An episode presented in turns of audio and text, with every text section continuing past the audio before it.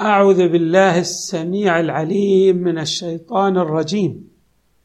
بسم الله الرحمن الرحيم والحمد لله رب العالمين والصلاة والسلام على أشرف الخلق سيدنا ونبينا محمد وآله أجمعين الطيبين الطاهرين.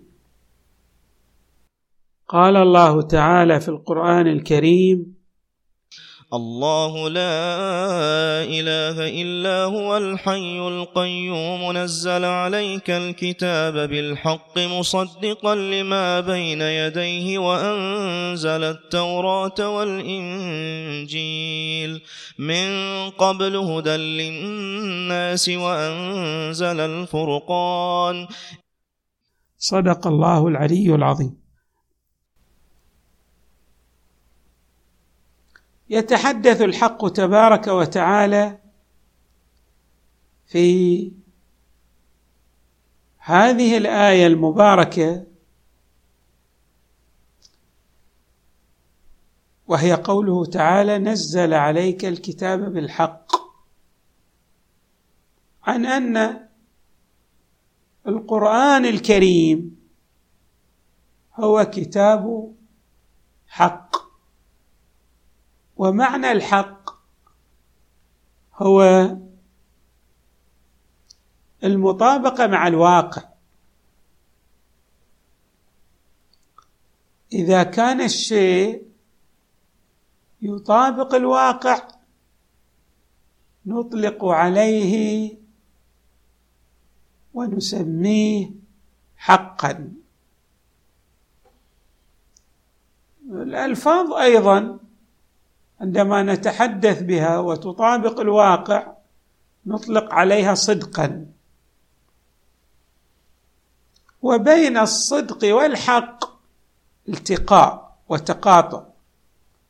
القرآن الكريم لكونه المعجزة الخالدة للمصطفى صلى الله عليه وآله هو كتاب حق.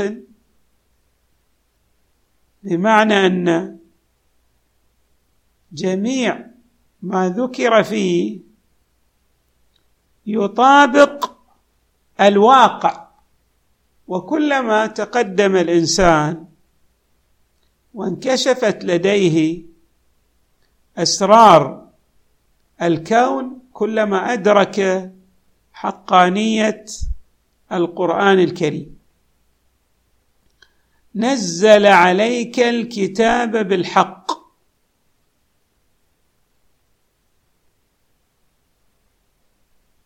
والحق أيضا يطلق على الم... الشيء المطابق للواقع ويطلق أيضا على الباري تبارك وتعالى. وإذا أطلقنا كلمة حق على الباري نريد أن وجوده هو الوجود الذي لا يمكن أن يمتر فيه. لا يمكن أن يشوبه نقص أو عدم فهو وجود حق. بمعنى أن كلمة حق كما تطلق على القرآن الكريم أيضا تطلق على الله تعالى. وأيضا نرى أن كل شيء من الأشياء لا يشوبه باطل. نطلق عليه ونسميه حقا. الله تبارك وتعالى أيضا جعل هذا الكتاب يصدق الكتب السماوية التي أنزلت على الأنبياء السابقين. ولعلنا أشرنا إلى حيثية جميلة. أشير إليها في الروايات الواردة عن إمامنا الرضا عليه السلام. وعن غيره من أئمة أهل البيت. هذه الحقيقة هي أنه لولا القرآن الكريم لما ثبت لدينا حقانية الكتب السماوية الأخرى بمعنى أن القرآن الكريم كما دلل على حفظه لنفسه بإعجازه أيضا دلل على حقانية وصدق الرسالات السماوية التي تقدمت عليه. بالخصوص الرسالات التي تمثل القواعد الكبرى مثل رسالة نوح ورسالة إبراهيم ورسالة موسى وعيسى صلوات الله وسلامه عليهم أجمعين. اذا القرآن الكريم أيضا يشير بل يفصح عن هذا المعنى الدقيق ألا وهو أن القرآن الكريم كما أنه يتصف بالحق من ناحية فهو يصدق. ومعنى التصديق ها هنا يعني ينبئ بصدق عن كون تلك الرسالات السماوية التي جاء بها الأنبياء والرسل من قبل الله هي أيضا رسالات صادقة. هؤلاء الأنبياء لا يكذبون لأنهم ينبئون عن الحق تبارك وتعالى. مصدقا لما بين يديه بمعنى أن جميع ما هو حاضر ويتصف بالحق فالقرآن الكريم يدلل على صدقه. بعد ذلك وأنزل التوراة. التوراة هي الكتاب الذي أو الوصايا التي أنزلت على موسى عليه السلام. والتوراة تدلل على معنيين المعنى الأول أن التوراة بمعنى الشريعة. ويمكن أن الشريعه يعني لا يراد بها الجانب الفقهي من الشريعة لا. ما يشمل الجانب الفقهي والجانب العقدي. ولهذا التوراة كما تطلق على الشريعة تطلق على القانون أيضا. طبعا نحن نعتقد أن هذه الكتب السماوية التي موجودة في عصرنا هي كتب محرفة. يعني العهد القديم والعهد الجديد وما فيهما هذه مو الكتب التي أنزلت على موسى وعيسى عليهما السلام بل طالت أيدي التحريف هذه الكتب التي أنزلت على هذين النبيين الكريمين. وليس معنى ذلك أن جميع ما يوجد في التوراة والإنجيل ليس بصحيح. لا. تحريف لا يعني أن جميع وجملة ما جاء في التوراة والإنجيل غير صحيح. ليس الأمر كذلك. فيهما أمور صحيحة.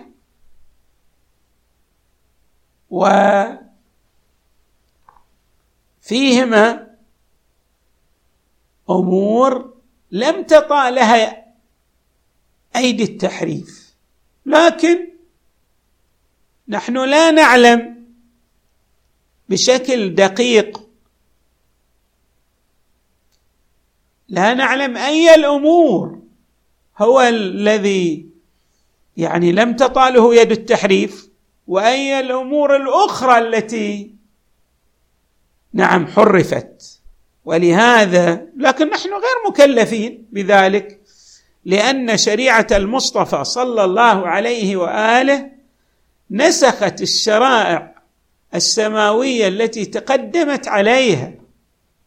وبالتالي يعني نحن غير معنيين غير مسؤولين بالآيات أو بمعرفة ما حرف من التوراة وما لم يحرف ما حرف من الإنجيل وما لم يحرف.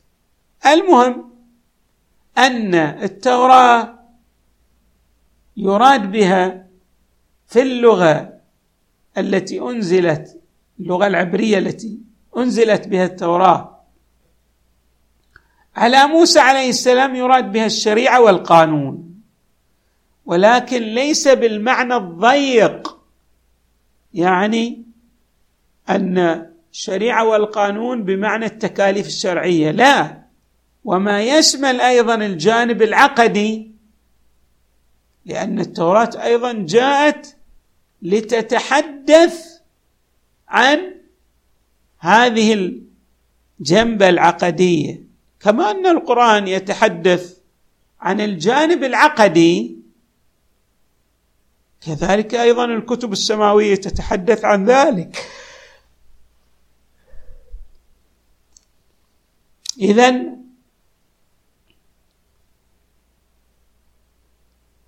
نزل عليك الكتاب الكتاب بالحق مصدقا لما بين يديه وأنزل التوراة لما بين يديه وأنزل التوراة.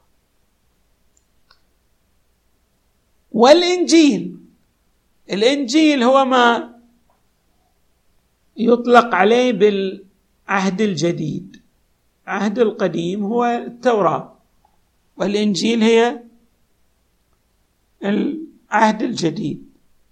يعني أو أيضا يطلق الإنجيل يطلق على البشارة أو التعاليم تعاليم المستحدثة الجديدة. واصولا رسالة عيسى عليه السلام هي جاءت لتعدل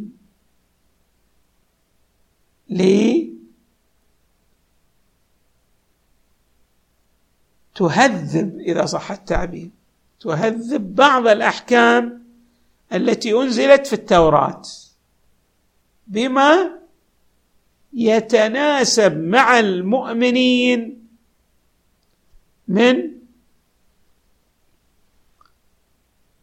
آه، من أخذهم بتعاليم الإله. تبارك وتعالى في سيرهم العقدي والعملي عبر عباداتهم ومعاملاتهم إلى الله تبارك وتعالى. ولذا القرآن هنا يشير إلى هذا المعنى أيضا لما بين يديه وأنزل الإنجيل. إيش معنى أنزل الإنجيل؟ يعني كما أنزل القرآن الكريم. وبما أن القرآن الكريم نسخ أحكام الشرائع السماوية المتقدمة بحيث لا مندوح لأحد إلا أن يأخذ بما جاء به القرآن الكريم. كذلك الإنجيل نسخ ما جاء في التوراة. ولا مندوح لأحد من أتباع التوراة إلا بالتصديق بعيسى عليه السلام كما لا مندوح لنا في زماننا إلا أن نسير على وفق ما يريده إسلامنا الحنيف منا. إذا نزل عليك الكتاب بالحق مصدقا لما بين يديه وأنزل التوراة والإنجيل. التوراه قلنا العهد القديم ويعنى بها ماذا؟ الشريعة أو الجانب القانوني في شخصية المتدين. اذا هذا هو المراد من التوراة. وأنزل الإنجيل اللي قلنا المكمل المهذب المعدل. ولا يسع أحد إذا كان يصدق بموسى عليه السلام إلا أن يتبع عيسى ولا يسع أحد إذا كان يصدق بعيسى إلا وأن يتبع الحبيب المصطفى صلى الله عليه وآله. مصدقا لما بين يديه وأنزل التوراة والإنجيل. الإنجيل اذا كما قلنا إما أن يراد بها به البشارة باعتباره جاء ليعدل يهذب الكتب السماوية المتقدمة عليه أو يهذب ويعدل التعاليم التي يمارسها المجتمع. فلما جاء الإنجيل كأن تلك التعاليم تشكل ثقلا اصرا. فجاء الإنجيل ليخفف وليهذب كما عبرنا. من هنا نزل عليك الكتاب بالحق مصدقا. هذا القرآن هو الذي يثبت حقانية التوراة وهو الذي يثبت حقانية الإنجيل. طبعا التوراة والإنجيل غير المحرفين. لأن إحنا الآن ما نعرف الإنجيل. ليس لدينا اطلاع على إنجيل لم يحرف. كي نأخذ ببعض ما جاء فيه. الأمر ليس كذلك. بل نصل إلى درجة من الاطمئنان بوجود التحريف في هذين الكتابين في التوراة والإنجيل. قران وأنزل الفرقان. الله تبارك وتعالى هو الذي جعل هذا الإنسان وسخره في خدمة العباد. نزل عليك الكتاب بالحق مصدقا لما بين يديه وأنزل التوراة والإنجيل. الله. تبارك وتعالى نزل هذا الإنجيل الذي هو بشارة وتعليم وتهذيب لما جاء في التوراة. والله سخر الأنبياء سخر بعضهم لخدمة الرسالة المتقدمة عليه. يعني الله كما سخر الإنسان بعض أفراده لبعضهم الآخر أيضا سخ أيضا الله تبارك وتعالى سخر الأنبياء بعضهم لبعضهم الآخر لتعديل ذلك المسار المتقدم بما يتناسب مع تطور الإنسان ورقيه والظروف الزمنية المحيطة به. مصدقا لما بين يديه وأنزل التوراة والإنجيل. الإنجيل وهو البشارة والتعاليم التي أنزلت على عيسى عليه السلام. من قبل يعني من قبل إنزال القرآن. ثم يفصح تعالى إلى أن هذه الكتب السماوية هي جائية لهداية الإنسان لإيصاله إلى الله تبارك وتعالى. والحمد لله رب العالمين. صلى الله وسلم وزاد وبارك على سيدنا ونبينا محمد وآله أجمعين الطيبين الطاهرين.